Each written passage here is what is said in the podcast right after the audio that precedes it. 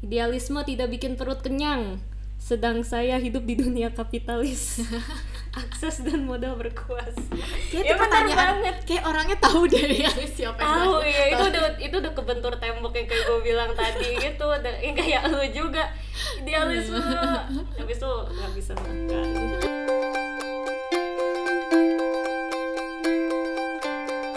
Halo Lalita selamat datang balik di Lalita Bicara gue lagi Abigail dan sama Laila. Hai.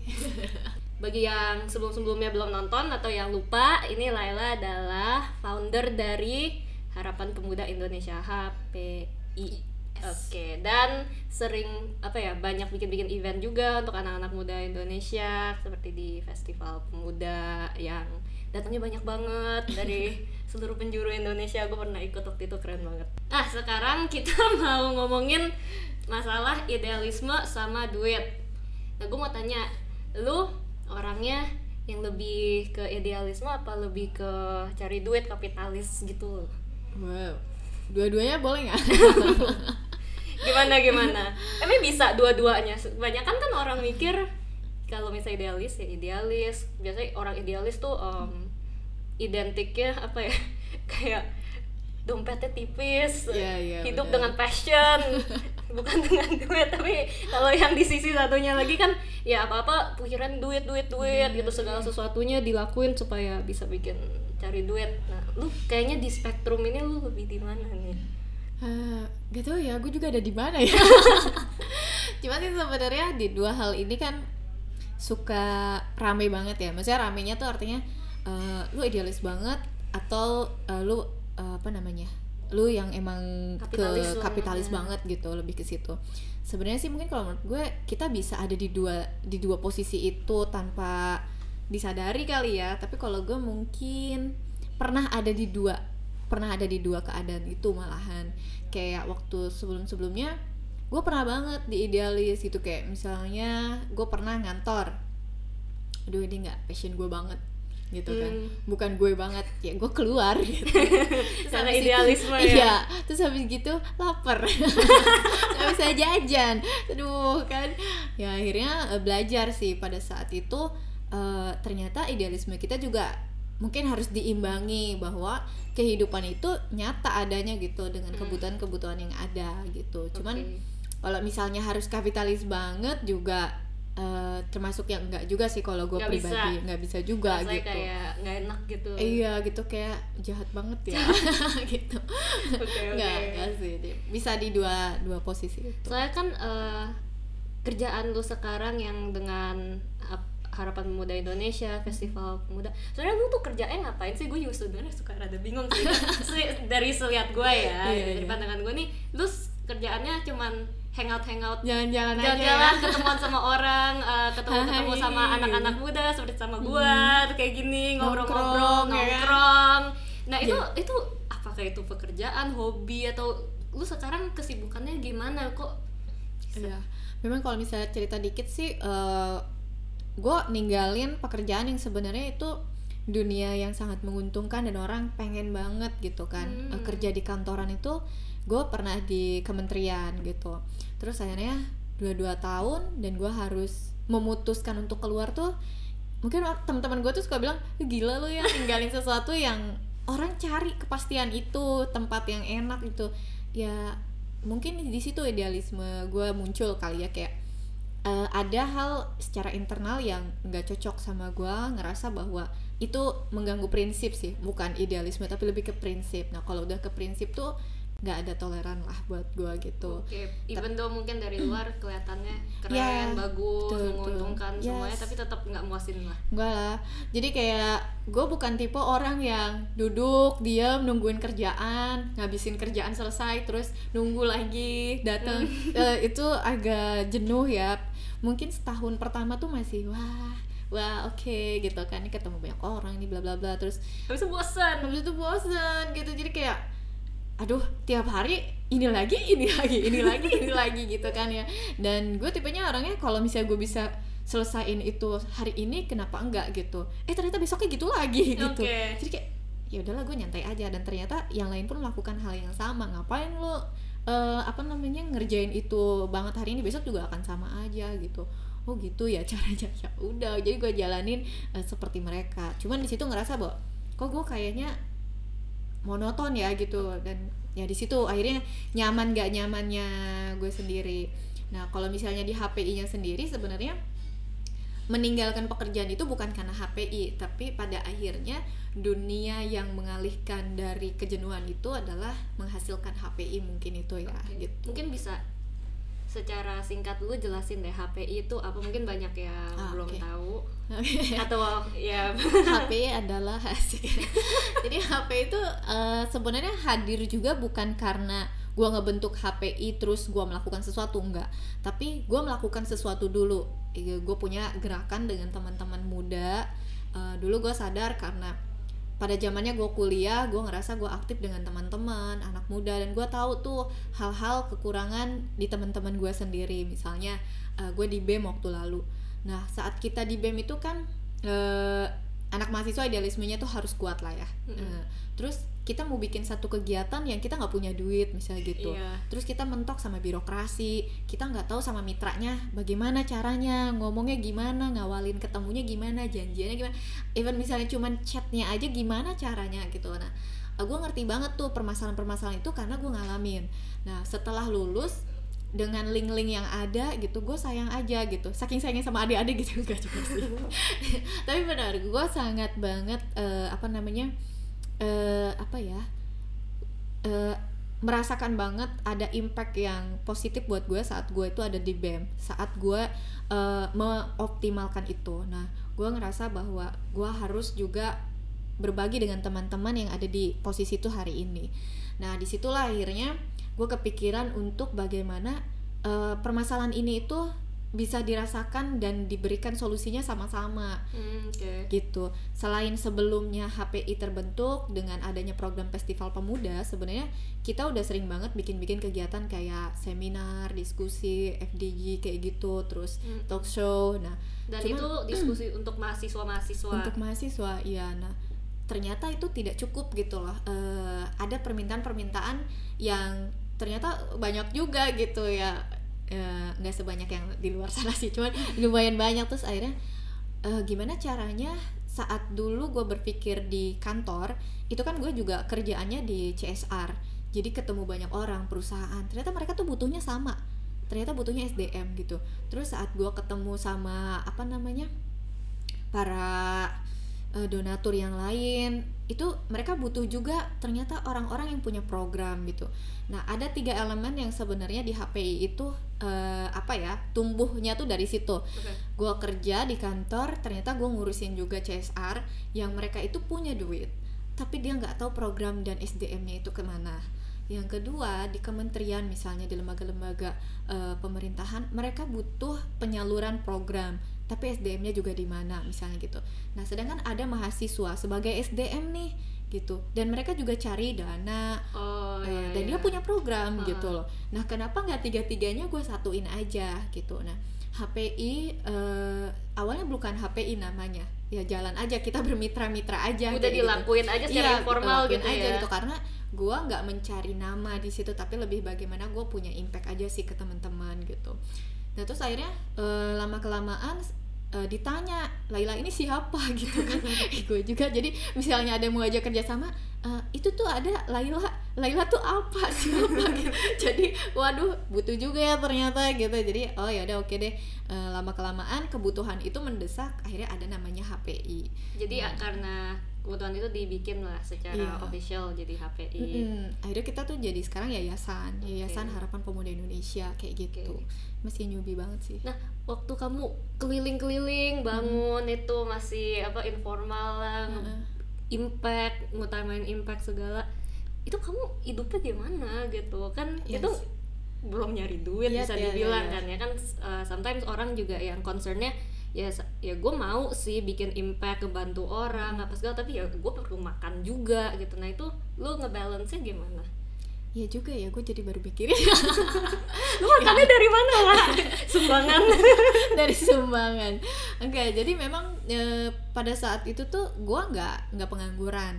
Jadi Hmm. eh, gue percaya begini idealisme lu yaitu tentang bagaimana prinsip visi itu harus idealis. Tapi kalau untuk kehidupan lu kebutuhan lu ya itu lu harus kerja gitu loh.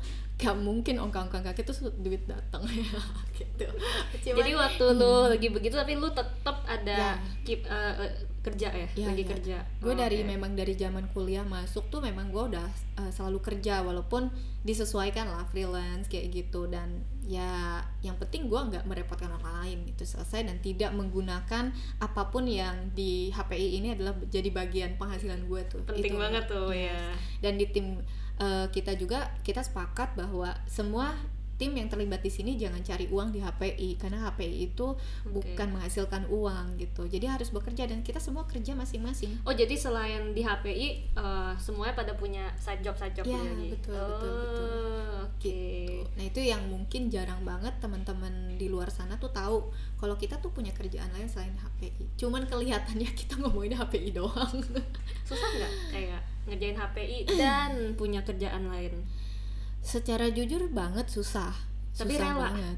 Rela karena Kayak lebih gampang milih salah satu aja kan. eh ya pasti. Cuman ternyata ada kepuasan itu yang mungkin yang nggak Oh, bisa oke. dibayar sama orang ya saat kita ti- mau tidur terus ngerasa "Hah, oke hari ini gue punya impact yang luar biasa gitu sih itu kayak bikin tidur jadi enak aja itu definisi gue doang ya nggak Iya, tahu iya, ya kalau iya. yang lain gitu Berarti sebenarnya m- kalau idealisme sama nyari duit itu tuh nggak harus bener-bener one or the other kayak kepisah gitu ya. Bisa dua-duanya, bisa jalan bareng-bareng juga bisa kadang. banget ya Hmm. bisa banget ya, sebenarnya kan kayak kita kayak gue ngeliat lu juga di Lalita tuh wah gila fighting banget juga kan gitu Eh, maksudnya lumayan gak, nggak konvensional juga sih ya Iya, tapi gue ngeliat bahwa eh, kayak eh, makanya kan saat saat gue kenal lu terus lu ngebangun kayak Lalita gue cerita Lalita juga kan kayak eh, lu keren termasuk yang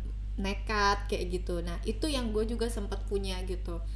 Eh, orang mungkin ngiranya kayak emang lu bisa ya? Lu hidup buat lu aja belum mapan misalnya kayak gitu. Itu kan Heeh. me- membuat kita jadi mikir gitu. Iya ya gimana ya? Gue mau jajan aja belum puas mungkin Iya, kayak iya, gitu. Terus iya. sok-sokan gue mikirin bangsa ini apa dan segala macam. Iya dong gitu. Dan itu Iya, nyata gitu tuh. Banget, Ah, banget. gitu. tapi pas gue juga ngeliat teman-teman di sekitar yang ternyata ketemu lagi nih sama komunitas-komunitas kayak kita yang dia fighting terus waktu Lalita kan keren banget tuh punya acara yang talk show-nya. Hmm. dan itu tuh menguatkan acara-acara yang kayak gitu program-program kayak gitu nguatin. Makanya pada saat lu bikin itu gue lu lu harus terus gitu. Ingat nggak mungkin gue pernah bilang sama lu tuh kayak apa tuh? "Eh, lu ngelakuin ini sekali dan lu pasti akan susah untuk stop. Lu ngomong gitu ya? Lu nyumpahin gua nih jadi gak bisa stop stop sekarang. gue nggak nggak nyobain tapi lu akan ngerasa penasaran terus Iya, iya, iya, gitu. ngerti, jadi ngerti. kayak masa gue segini doang? Mm-mm. masa segini doang? Kayak gitu sih. tapi emang sih kayak project Lalita bisa dibilang eh, lahir dari idealisme yang mungkin mungkin rada terlalu ekstrim. Kan kita ngomong apa? Yes. ya idealisme nyari duit itu tuh em, bisa di tengah-tengah ya yang balance ya. Lalita waktu dulu jujur gue mungkin bisa bilang idealisme yang rada terlalu ekstrim. Gue nggak ada mikirin tuh nyari duit apa segala. Bukannya karena apa ya saya kan lahirnya karena iseng-iseng doang Iya, iya, ya. bener. iseng-iseng doang ya. Artinya pure idealisme tapi habis itu belajar ya tentunya kayak kita semua lah kayak Betul. pasti belajar kayaknya semua orang yang mimpi pengen bikin impact jadi Yes. idealis ya pasti lama-lama akan Belajar. Betul. kebentur realita ya Tuh. nabrak tembok gitu kan kayak kerasa eh beneran kayak nabrak tembok ternyata Iya. oh ya lu nggak bisa bikin impact kalau lu nggak punya duit Betul. dan atau atau masa lu juga nggak bisa mikirin negara lah kalau lu sendiri kelaparan Betul. gitu kan Betul. Iya. Bisa. Soalnya kan banyak gue juga lihat bu banyak orang yang mungkin untuk orang banyak tuh dia sangat inspiratif Mm-mm. jadi eh, dan impactnya gede lah untuk banyak orang. Tapi Dia untuk lupa orang ya di sekitarnya justru malah jadi beban dan justru malah jadi distraktif dan menurut gue mungkin beberapa orang bilang oh nggak apa-apa itu mungkin pengorbanan tapi untuk gue itu nggak benar sih Iya. kita harus impact harus mulai dari dalam keluar gitu loh. Jadi Betul. itu makanya ya harus bisa jaga apa sustain diri cari duit segala. Penting. Gue juga sepakat kayak ada yang ngomong gini eh, gimana lu mau ngebahagiain orang kalau lu nya nggak bahagia misalnya kayak gitu. Iya, ya sebenarnya itu, gitu lah iya ya. kan? Itu kan besar ya bisa ke percintaan bisa ke keuangan bisa ke kehidupan Ya, pribadi dan segala macam. Dan yes itu benar gitu. Saat gue misalnya masih punya masalah sama diri gue sendiri salah satunya misalnya gue mau jajan aja gue nggak bisa Iya. gitu kan ya. Sok-sokan mau bikin yang gede iya bener bener ya kan? bener. Ya kalau misalnya orang lihat sehari ini gila Laila ya kan? Bikin acara 10.000 ribu orang anak orang loh dikasih makan pun gitu kan. 300 4 500 orang nginep tiga hari dari semua seluruh Indonesia dari mana gitu itu kan? gila sih. Jadi ya dan tapi ternyata akhirnya itu idealisme dengan eh, apa namanya dengan ngomongin uang gitu ada di tengah-tengah itu akhirnya gue berpikir gitu saat gue itu bukan siapa-siapa yang punya duit juga enggak gitu kan tapi gue masih berjuang tapi gue pengen nih idealisme gue juga tetap jalan. Iya. Nah akhirnya gue berpikir keras cari ketemu banyak orang dapat solusi sih kayak gue akan sharing tentang bagaimana gue bikin festival. Mungkin orang agak heran gila duit lu bertumpuk-tumpuk lu olahnya gimana? gitu Iya. kan ya. Karena kalau misalnya ngelihat eh, sewa tempatnya aja Oh, festival tuh gede banget gitu soalnya kan. gue kan gue ikut festival dua kali ya Iya. dan dua-duanya tuh emang wah eh, apa ya megah banget lah bisa Ya, dibilang bisa lihat gede dan yang datang banyak dan yang datang pun bahagia kenyang pada Iya. tidur cukup enak bahkan nggak bisa move on sampai sekarang gue Ah, lihat IG-nya iya masih sih. aja minta Iya. lebih kan minta Iya, mau bener. lagi Jadi eh, cara gue adalah ngejaga kepercayaan mitra dan donatur. Jadi ya itu yang mahal dari eh, kegiatan-kegiatan yang kita bangun. Nah itu dijadikan idealisme kita gitu bahwa kepercayaan eh, adalah tanggung jawab kita. Bagaimana eh, saat orang-orang terlibat sama kita itu merasa nyaman. Nyaman itu sebenarnya sederhana. Nggak harus dia dipenuhi apa yang dia mau, tapi lebih kepada jangan ganggu apa yang mereka nggak suka. Misal dibohongi, ditipu, terus kayak minta sesuatu tapi eh, nggak dikasih ini tidak di luar kesepakatan dan bla bla bla segala macem. Nah kami ini kan sebenarnya di HPI cuman berempat orang doang gitu. Jadi dikit banget gitu berenam eh, tapi yang intinya banget kita tiga orang kan foundernya tuh. Nah berenam orang dan itu udah dibagi-bagi untuk kita ngurusin 34 provinsi. Agak mustahil kan ya gitu. Tapi ternyata saat kita jalanin terus kitanya fun eh, ikhlas gitu. Yaudah ikhlas gitu capeknya apanya segala macam kita jalan kita bukan double job lagi itu mah triple sampai aduh berlipat-lipat gitu kan. Eh, jadi caranya adalah oke kita eh, runtunin nih apa sih kebutuhan kita sampai hal yang paling detail. Dan itu dilelang aja gitu. Siapa yang mau ngambil bagian eh, nyumbang transportasi? Dan itu nggak harus cash ke kita kayak gitu. Karena kita sadar dengan kebutuhan yang begitu nilainya besar kami juga belum siap misalnya kayak harus dicek keuangan secara pribadi apa dan segala macam karena kita baru juga kan. Terus kita juga bukan ahli yang dalam misalnya keuangan lah perpajakan lah atau apa enggak ada. Kita bukan orang-orang ahli tapi hanya orang-orang yang mau doang kayak gitu. Dan itu yang ternyata menjadi mahal event kita menurut Lel sendiri gitu. Oh ternyata event kita adalah landasan paling utamanya adalah kepercayaan gitu. Jadi gua nggak pernah tahu tuh nilai yang mereka kasih ke kita itu cashnya berapa tapi kita hitung. Cuman dia bayarin berapa itu terserah mereka mau gimana. Hmm. gue butuh bis bisa ada bisnya. Gue Oh, butuh iya. makannya sekian ribu ada makanannya. Dan itu sangat membantu banget kita kita nggak harus pusing gitu. Iya benar-benar dan di situlah menjalin eh, pihak A dengan B itu menjadi lebih kuat dibandingin saat mengelola uang secara langsung ya dan itu kan kadang-kadang Hmm, Oke. eh, pihak ketiga tuh setan. Itu ngebisikin ayo lu buat jalan-jalan aja cuy. Gitu. Kan kayaknya gimana gitu. Dan ya alhamdulillah itu yang sampai hari ini kita masih jaga sih. Itu keren sih trik yang menarik banget sih ya. Gue juga baru tahu nih. Ya dan itu emang banyak yang Iya, orang iya, nggak iya, kepikiran iya. gitu. Iya benar. Gue cuman dulu tuh mikirnya gue nggak mau pusing. Udah deh gue butuhnya makanan sepuluh ribu. Iya. Ya udah Nah makanannya kan kalau misalnya lu ngeh tuh kalau dulu waktu yang pertama tuh itu macam-macam mereknya, ya karena sumbangan gitu. Oke. Ya makanya kita selalu kampanye itu kan tunjukkan kontribusimu. Jadi si- siapa pun Hmm. ya berkontribusi apa. Jadi gue selalu bilang Jadi tunjukkan kontribusi bukan cuma untuk peserta tapi "Oh mitra iya, juga mitra ya juga, sebenarnya. donatur juga Oke. gitu. Dan kita fair, kita hitung dengan nilai yang mereka keluarkan. Pinter-pinter.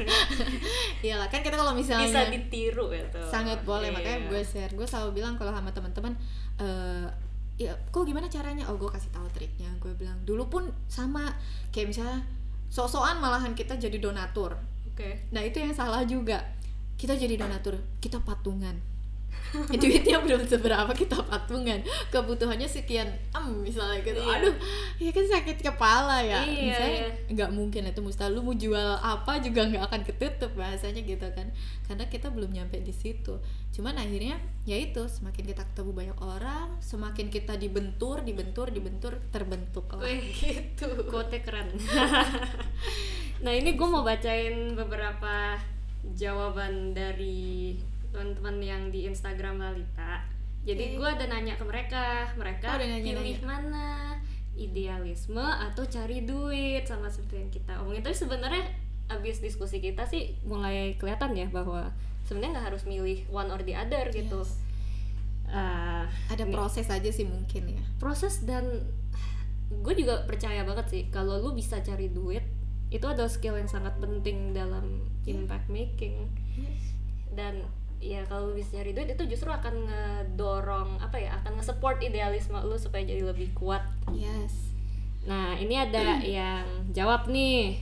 Pilih mana cari duit atau idealisme? Dia bilang. Mhm. dia bilang cari duit. Karena ketika kita punya duit idealisme akan kutemukan. Iya iya iya. ya beda-beda mungkin ya setiap Gimana orang. Jadi- setiap orang mungkin ketemunya Jadi apa cari dulu duit kali? dulu, eh, kaya dulu, setelah kaya bisa nemu baru idealismenya. Hmm, Menarik ya. Hebat sih. Lumayan berarti apa mungkin idealisme dia ada di mencari duit? Mungkin itu idealismenya adalah cari Emang uang. ada sih soalnya orang yang kayak ya? gitu kan itu ya menurut gua banyak orang yang kayak bisnismen bisnismen tuh emang idealisme mereka mereka berkarya Ah, iya, iya, bener, mungkin kalau kalau kita kan kita berkarya eh, kita ukur seberapa berhasil dari impact betul betul. kalau mereka kan mereka ukurnya dari profit gitu. Betul, sama sih profitnya. sebenarnya cuman pengertiannya, pengertiannya. Aja. oke. Betul. ah ada yang bilang gue mau kejar idealisme biar nggak dipandang sebelah mata. Gimana Eh, tuh? proses sih kalau menurut gue proses. Kan gue juga itu ada ada masa di mana gue tuh emang idealis banget. Iya. Terus keluar. Eh terus lapar. Tapi menarik deh kayak Gitu, nih orang bilang eh, idealisme supaya apa ya improve image-nya ya bisa dibilang ya. Bisa jadi. Karena memang sih kadang-kadang kalau eh, idealismenya juga nggak ada ya ketemu orang-orang yang ternyata lingkungannya idealismenya bagus terbentuk ya pasti kita juga Hmm. ngerasa jadi bukan siapa-siapa sih. Cuman kalau dia nggak bentuk idealismenya ya ketemu dengan orang-orang yang seperti itu bagus. Tapi rada apa ya kurang bagus nggak sih kalau misalnya kita ngejar idealisme hanya untuk dapat approval orang ya tapi gue bukan dari ya ya akhirnya kan buat orang lain Iya, dong gitu. makanya. Iya. ya mungkin ya kejar idealisme kalau emang beneran bikin kita senang beneran yang kita mau ya jangan cuman muasin Yes. orang kali ya itu dari gua Bonus sih. aja sih. bonus oke next ada yang bilang idealisme tidak bikin perut kenyang sedang saya hidup di dunia kapitalis. Akses dan modal berkuasa. Kayak Ya, pertanyaan banget. kayak orangnya tahu deh ya siapa tahu ya. Itu udah itu udah kebentur tembok yang kayak gue bilang tadi gitu. Yang kayak lu juga. Idealisme habis itu nggak bisa makan. Tapi emang bener sih makanya nggak boleh terlalu ekstrim ya. Yes. Karena kalau di di keyakinan aku jangan selalu berlebih-lebihan karena kalau Oh. berlebih-lebihan itu udah bagian dari setan. jangan. Jadi ya cukup aja, cukup buat beli Alphard, buat berumah. eh ya apa kan? ternyata idealisme lu sama gue kayak beda nih ya definisinya kita belum lurusin tadi oh my god Cukup aja gitu. Daripada kita kaya tapi susah beli apa-apa. uh Karena kayaknya mungkin kayaknya doang. Kayaknya kaya bukan kaya definisi rich ya. Lah gue tadi sempet bingung. Kaya tapi kok nggak bisa beli apa-apa ya? Itu gimana? Oke. Cari duit untuk ngejar idealisme. Gue gak tau Gimana sih konsep kayak gitu. Jadi Maksudnya- ya kita cari duit dulu nih Ngumpulin duit udah banyak Habis itu kalau udah cukup ya kita pakai buat ngejar idealisme. Mau apalah idealis eh, jadi fotografer di tempat-tempat terpencil atau Ah, jadi apalah yang begitu-gitu tapi memang gambling sih ya kalau kayak itu pilihan Hmm. mana yang jadi dia yang akan Iya. dijalanin dulu Nah ini yang terakhir, gue suka banget nama ini. Dia bilang dia memilih idealisme, soalnya uang bisa dicari mendadak, tapi tidak dengan cita-cita. Wah oke berarti dia yakin banget dong eh, bahwa Dalam sih. Iya maksudnya uang itu benar-benar dicari besok ada langsung gitu. ya Bisa dicari mendadak. mencari Berarti mendadak dia itu kayak gosok-gosok Dia ini minta tiga kayaknya- permintaan gitu Eh, sangat-sangat apa ya jago banget lah nyari duitnya. optimis Iya, keren dan mungkin optimisnya jago jualan gitu. Jadi Nah, dia itu yakin lah besok dia beli apa jualan bisa. Nah. gitu. Tapi cita-cita harus dikejar dulu nih. Tapi Gue suka sih cara.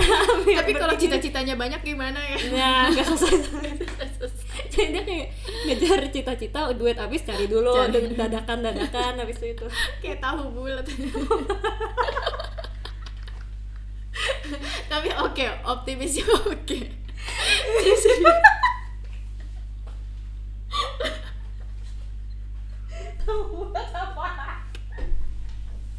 gue jadi pengen nangis udah tiga eh udah dua orang nangis bulat digoreng, digoreng. eh dia kagak tahu coba ini beliin tahu bulat ke Ya, sini disentuh nggak ada, disentuh nggak ada. oh iya disentuh payah Tarik disentuh kan gituan. Enggak, gue tahu tahu bulat tuh apaan ya. emang apa tahu. Cuman kenapa itu random banget.